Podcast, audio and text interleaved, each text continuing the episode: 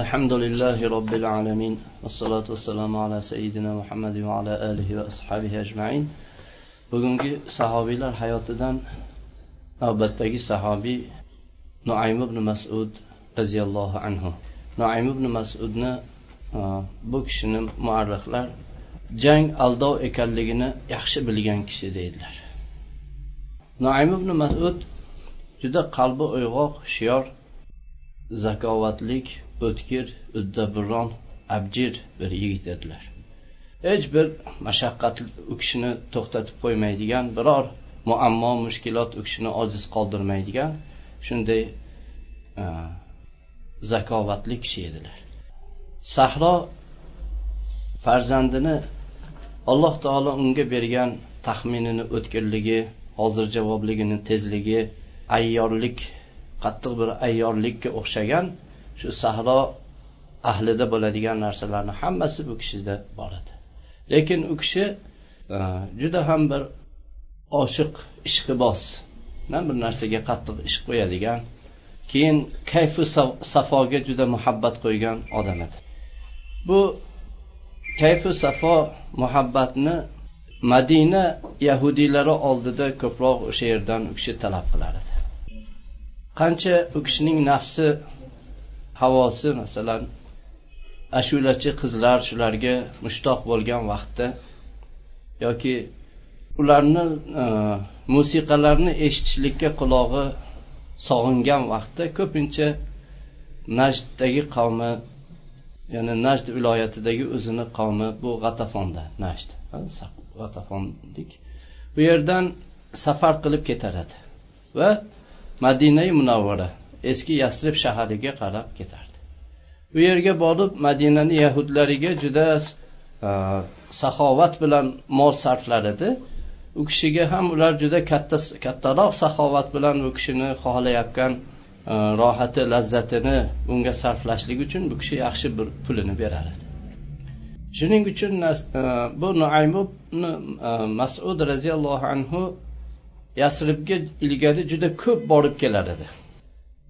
Madinadagi yahudlar bilan qattiq bir aloqasi bo'lganligidan xossatan bani qurayza qabilasi bilan bu kishi aloqasi yaxshi edi.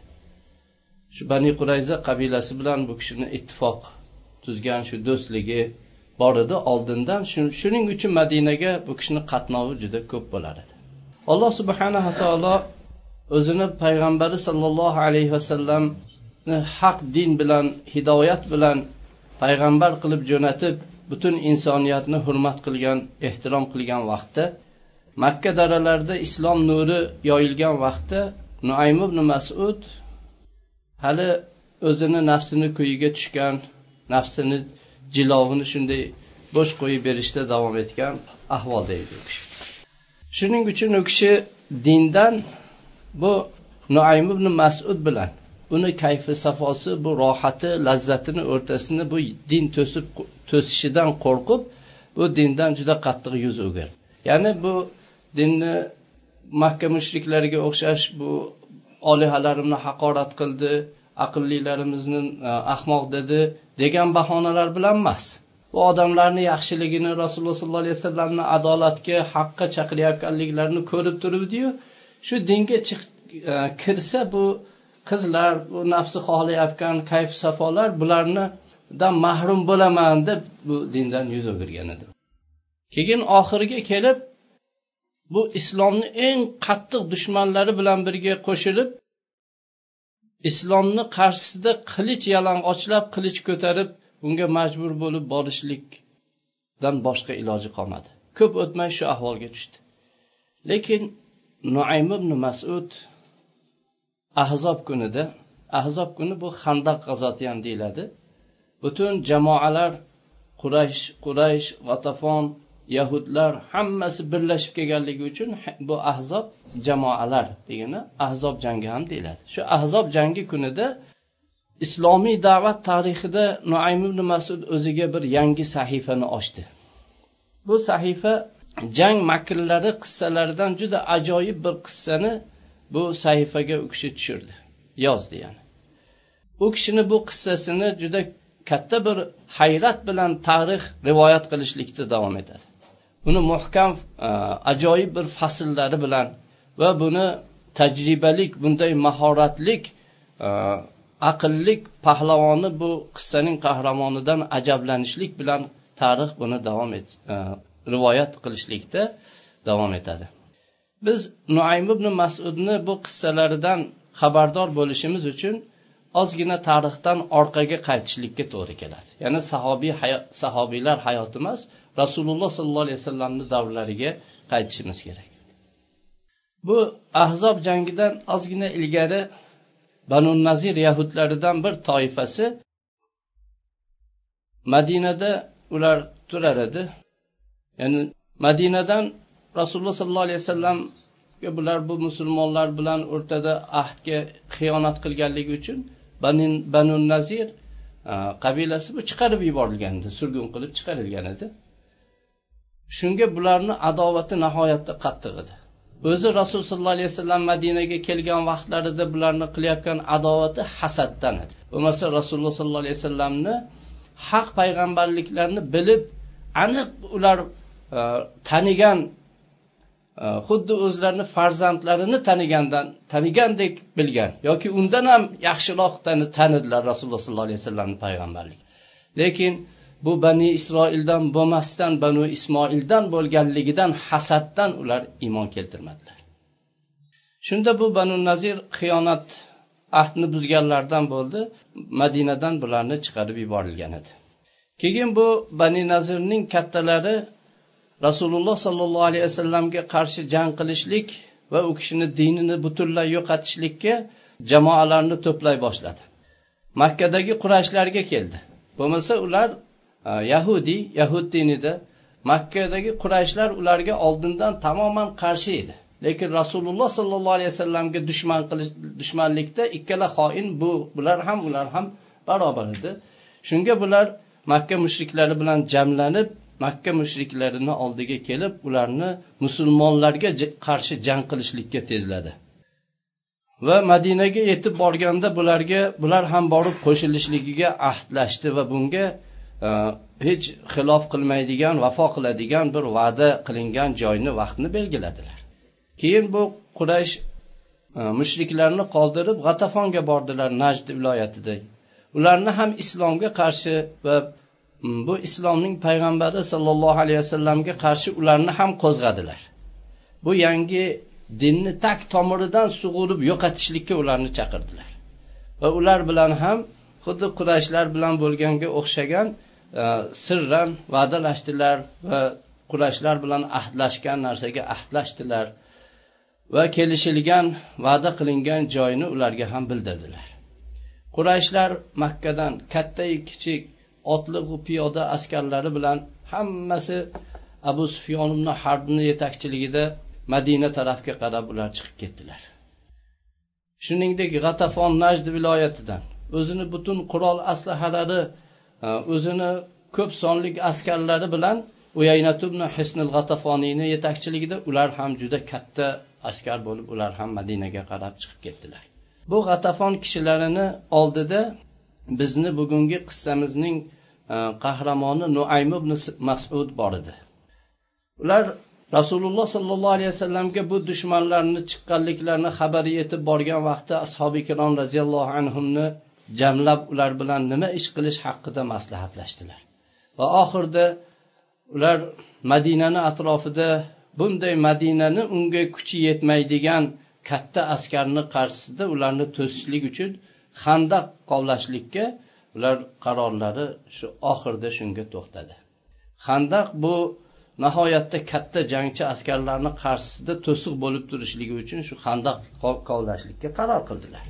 Bu ikkita katta bosqinchi askarlar makkadan najddan madinani yuqori tarafiga yaqinlashib kelar ekan. Banu nazir yahudlari endi madinada yashab turgan hali madinadan chiqarilmagan bani qurayza yahudlarini boshliqlarni oldiga borib ularni bu rasululloh sollallohu alayhi vasallamga qarshi qilinayotgan ish e, jangga kirishib unga qo'shilishlikka tezladilar. Va makkadan najdan kelayotgan bu askarlarni qo'llab quvvatlab e, bularga yordam berishlikka ularni targ'ib qildilar. Shunda bani qurayza boshliqlari bu bani nazir boshliqlariga aytdilarki sizlar biz yaxshi ko'rib biz xohlayotgan o'zini o'zi ko'nglimiz tilab turgan narsaga chaqiryapsizlar. Lekin sizlar bilasizlar biz bilan bu muhammad sallallohu alayhi vasallam o'rtasida e, biz sulh tuzgan e, bitimimiz bor. Madinada biz xotirjam tinch yashashimiz uchun shuni qarshisida u kishi bilan biz sulh tuzganmiz. Sulh ya'ni sulh tuzib olganmiz bitimimiz bor. Sizlar bilasizlarki bizni bu e, kelishuvimizning muddati hali tugamagan. Biz xiyonat qilolmaymiz dedi. Agar bu jangda muhammad g'alaba qiladigan bo'lsa bizga qattiq bir g'azab qilishligidan biz qo'rqamiz. Va bizni butun madinadan xiyonatimizni jazosiga yo'qotib tashlashligidan qo'rqamiz dedi. Lekin banu nazir boshliqlari ular ahdni buzishga bularni nihoyatda ko'p targ'ib qildilar gijgijladilar. Va ularga muhammad sallallohu alayhi vasallamga xiyonat qilishlikni nihoyatda bezab chiroyli qilib ko'rsatdilar. Albatta bu yerda endi bu safar hech ilojsiz muhammad mag'lub bo'ladi deb aytadi aniq u bu bu jangda endi juda katta askar kelgan uni mag'lub bo'lishligi muqarrar deyishadi. Bu juda katta bu ikki askarni kelishligi bilan bu bani qurayzani irodasini qasdini mustahkamlashga harakat qilardilar. E, ko'p o'tmadi bani qurayza yahudlari. Bularga moyil bo'ldilar yon bosdilar va rasululloh sollallohu alayhi vasallam bilan ahdlarini buzdilar. Madinani ichida turib ahdini buzdi. Va o'rtada rasululloh sollallohu alayhi vasallam bilan birga tuzgan sahifalarini yirtib tashladilar. Va bu rasul sollallohu alayhi vasallamga jang qilishlikda bu jamoalarga qo'shilganliklarini e'lon qildilar. Endi bu xabar o'zi nihoyatda katta askar kelgan edi. Ularga kuchi yetmasdan handaq kovlangan edi. Yana musulmonlar tang ahvolda ocharchilik shunaqa holat edi qahatchilik edi. Juda qiyin mashaqqatli holatda bo'lib turgan vaqtda ichkaridan bani qurayza ham madinani ichida turib ular xiyonat qildi. Bularga qo'shilib oldi. Shunga bu musulmonlarga bir yashin tushgandek juda qattiq bir mashaqqat. Butun jamoalar madinani atrofini o'rab olgan qurshovga olib turishibdi. Madina ahlidan oziq ovqat tashqaridan keladigan yordam hammasi uzilgan. Shuning uchun musulmonlarga mashaqqat og'ir bo'ldi juda qattiq holatga tushdilar. Rasululloh sollallohu alayhi vasallam shunda bu dushmanni tishlari orasiga tushib qolgandek ya'ni ular bu dushmanlarni girdobiga tushib qolgan deb his qildilar. Quraysh g'atafon musulmonlar qarshisida madinani tashqarisida ular askar to'plab turishibdi. Bani qurayza bo'lsa musulmonlarni orqalarida madinani ichida ular ham tayyorgarligini ko'rib e, ular ham kutib turibdi. Endi qalbida marazi bo'lgan kishilar munofiqlar ular endi o'zlarini ich iç ichlarida yashiringan narsalar e, ko'nglida bo'lganini endi tilliga chiqib ketdi ular. Aytardiki ha bu muhammad bizga Mm, kisroyu qaysar xazinalariga mm, podshoh bo'lasizlar ega bo'lasizlar deb va'da qilar edi. Mana endi bizim bizni bittamiz hojatxonaga qazoyi hojatga borishlikka qodir bo'lib e, amonda bo'lmay qoldikku deb e, shunday ichidagi nifoqi tiliga chiqdi. Keyin ular rasululloh sollallohu alayhi vasallamdan jamoa jamoa bo'lib biz ayollarimiz ochiq qolgan bola chaqamiz bor uylarimiz ochiq deb shunday e, bahonalar qilib biz shundan qo'rqamiz deb sekin ajralib keta boshladilar. Ularga bani qurayza jang qizigan vaqtda orqadan ularga bostirib borishdan biz qo'rqamiz dedi hatto rasululloh sollallohu alayhi vasallam bilan birga sodiq mo'minlardan bir necha yuz kishidan boshqa hech kim qolmadi. Mana shunday og'ir ahvolda qolgan paytda bir kecha shu muhosara kechalaridan yaqin yigirma kuncha davom etgan edi. Shunda rasululloh sollallohu alayhi vasallam robbilariga alloh subhanava taologa iltijo qila boshladilar nihoyatda bir og'ir tang ahvolda qolgan muztar kishini duosi bilan rasululloh sollallohu alayhi vasallam allohga duo qila boshladilar. Duolarida doim allohimma inni anshuduka ahdaka va va'dak. Yo olloh men seni va'dangni seni ahdingni sendan so'rayman talab qilaman deb shuni shu so'zni ko'p qaytarardilar takror qilar. Mana shu kecha nuaym ibn masud o'zini to'shagida shu bedor yotardi. Xuddi e, shu qovoqlariga mix qoqilgandek hech uxlolmas edi. Osmonda suzib yurgan yulduzlarga qarab osmon musaffo tiniq edi. U uzoq fikr qilardi. Birdan o'ziga o'zi savol bera boshladi. Ey nuaym qurib ketgun nuaym dedi. Uzoq najddagi o'zingni uy joyingdan uzoq yerlardan bu yerga nimaga kelding? Mana bu odamga va u odam bilan birga bo'lgan kishilarga jang qilish uchun keldingmi? Sen qo'lingdan ketgan bir tortib olingan haqqing yo'qki unga erishsam deb jang qilsang. Yoki senga bir bosib olingan oyoq osti qilingan nomusingni hamiyati yo'q unga jang qilsang. Sen hech bir e, bilinmagan bir ma'lummas bir sabab uchun unga jang qilaman deb kelding deb o'ziga o'zi shunday xayol surardi. Seni aqlingga o'xshash aqli bor bo'lgan kishi bu yerda jangga kirib o'ldirilishi yoki hech bir sababsiz sababi yo'q halok qilinishi durustmi?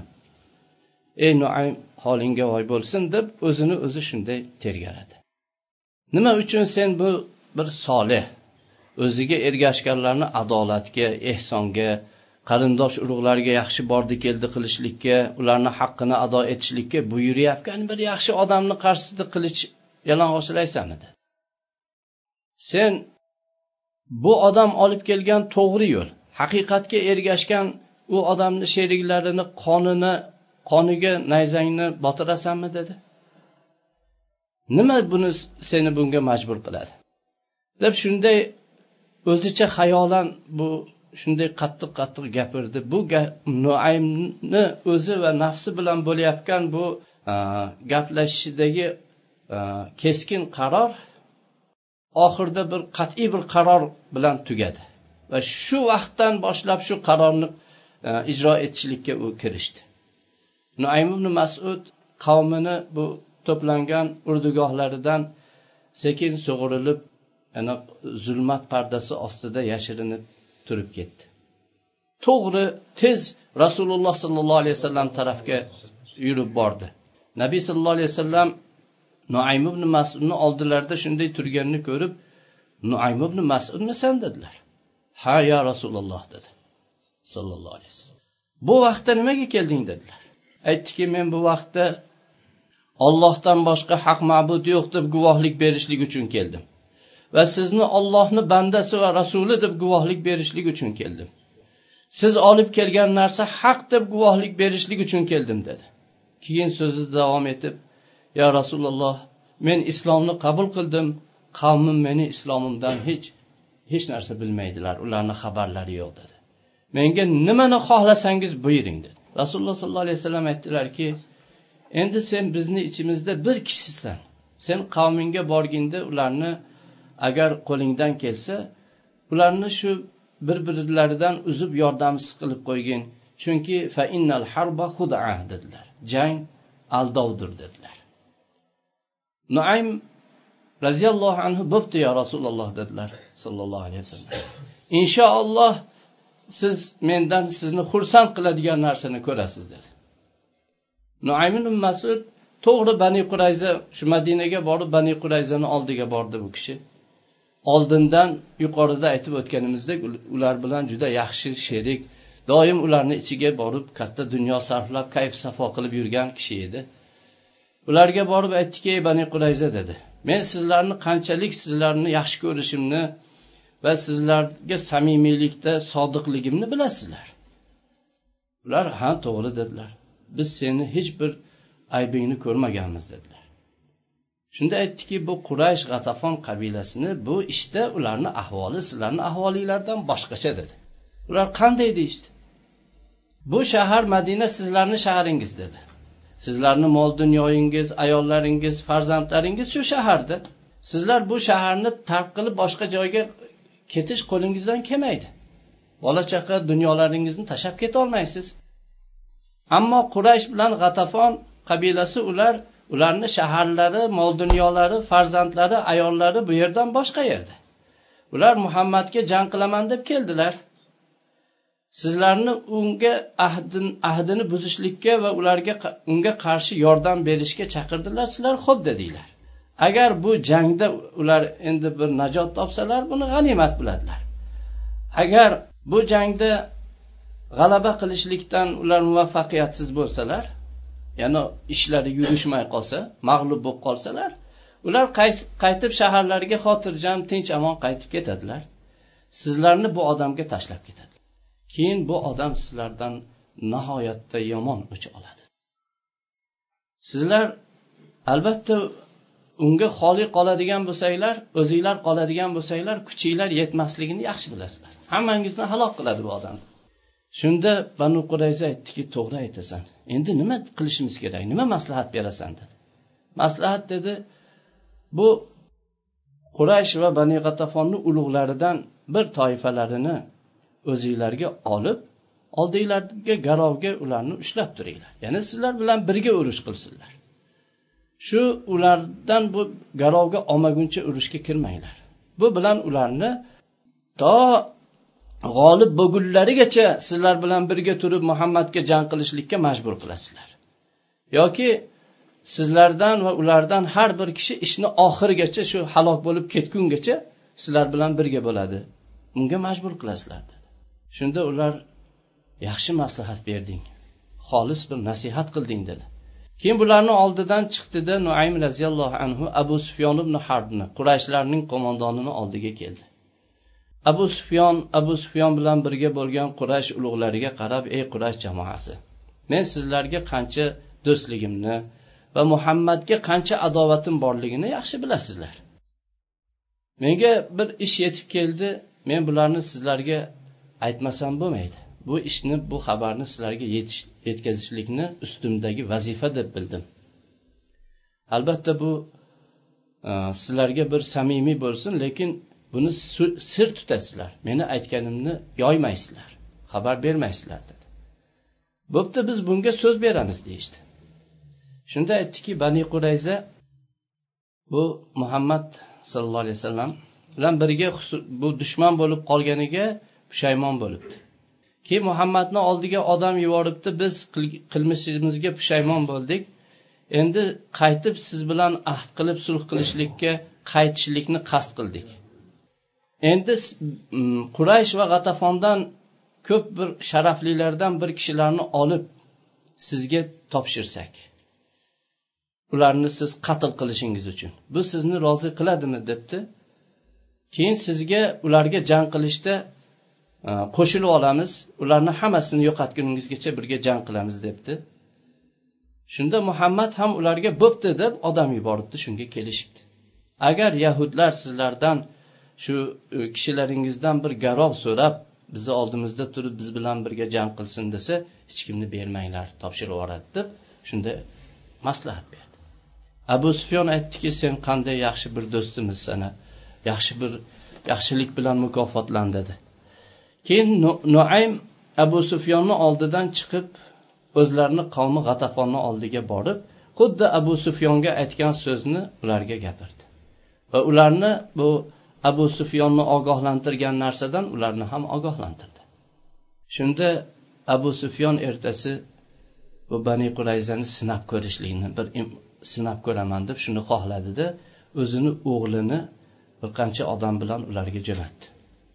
Borib aytgin Э, dadam sizga salom aytyapti degan. Keyin sizlarga aytyaptiki bu bizni muhammadni qurshovga olib turishimiz juda uzoq cho'zilib ketdi. Biz bundan ko'p malollandik charchadik deb aytyapti. Biz unga muhammadga jang qilib bu jangdan bo'shashlikka qasd qildik. Otam meni sizlarga yubordi. Ertaga uni jangiga sizlarni chaqirib jangga birga jangga kirishaylik deb chaqirib meni yubordi dedi. Shunda yahudlar aytdiki bugun shanba kuni dedi. Biz bu kunda hech narsa qila olmaymiz dedi. Keyin sizlar bilan biz jang qilmaymiz hatto shu sharaflik va g'atafonni sharafli kishilardan yetmish kishini bizga bermaguninglarcha shu bizni oldimizda garov bo'lib tursinlar biz bilan birga jang qilsinlar shu biz jangga kirmaymiz dedi. Chunki biz bu jangdan agar jang qattiq bo'lib qolsa shahariylarga shoshilib ketib qolishinglardan va bizni yolg'iz muhammadga tashlab ketishingizdan qo'rqamiz. Sizlar bizni unga kuchimiz yetmasligini bilasizlar deb aytishdi. Abu sufyonni o'g'li qavmi oldiga qaytib kelganida bu bani qurayzadan eshitganlarini hammasini xabarini berdi. Shunda qurayshliklar bir til bilan hammalari bu maymun maymun cho'chqavachchalar dedi. Bekor aytibdi bu allohga qasamki agar bizdan bir qo'zichoqni talab qilishsa garovga biz ularga bermaymiz dedi. Nuaym ibn masud bu jamoalarni saflarini bunday parchalashlikda shunday najot topgan edilar. Ularni so'zlarini bo'lib tashlashlikda. Alloh subhanava taolo qurayshlarga qurayshni do'stlariga ittifoqdoshlariga shunday qattiq bir shamolni yubordi. Ularni chodirlarini shamol yig'ishti deb uchirib ketdi. Qozonlarini to'kdi o'tlari chiroqlari so'ndi hammasi. Yuzlariga turpoqni sochdi ko'zlariga turpoq to'ldi. Ular endi qaytib ketishlikdan boshqa qochishdan boshqa iloj topmadi. Va shu kechasida qorong'ida e, shoshilib yo'lga tushib safarga chiqib qaytib makkaga qarab ketdilar. Musulmonlar ertalab turishuvdi ollohni dushmanlari hammalari qochib ketganligini ko'rdilar. Ular allohga hamd aytib bandasiga yordam bergan o'zini askarlarini o'zi aziz qilgan va jamoalarni yolg'iz o'zi mag'lub qilgan allohga hamd aytib qichqirdilar. Nuaym ibn masud ana shu kundan boshlab rasululloh sollallohu alayhi vasallamni eng ishongan bir odamlari bo'lib yaxshi bir sahobiy bo'lib qoldilar. Rasululloh sollallohu alayhi vasallam ko'p ishlarga bu kishini voliy qildilar ko'p javobgarliklarni bu kishi bajardilar.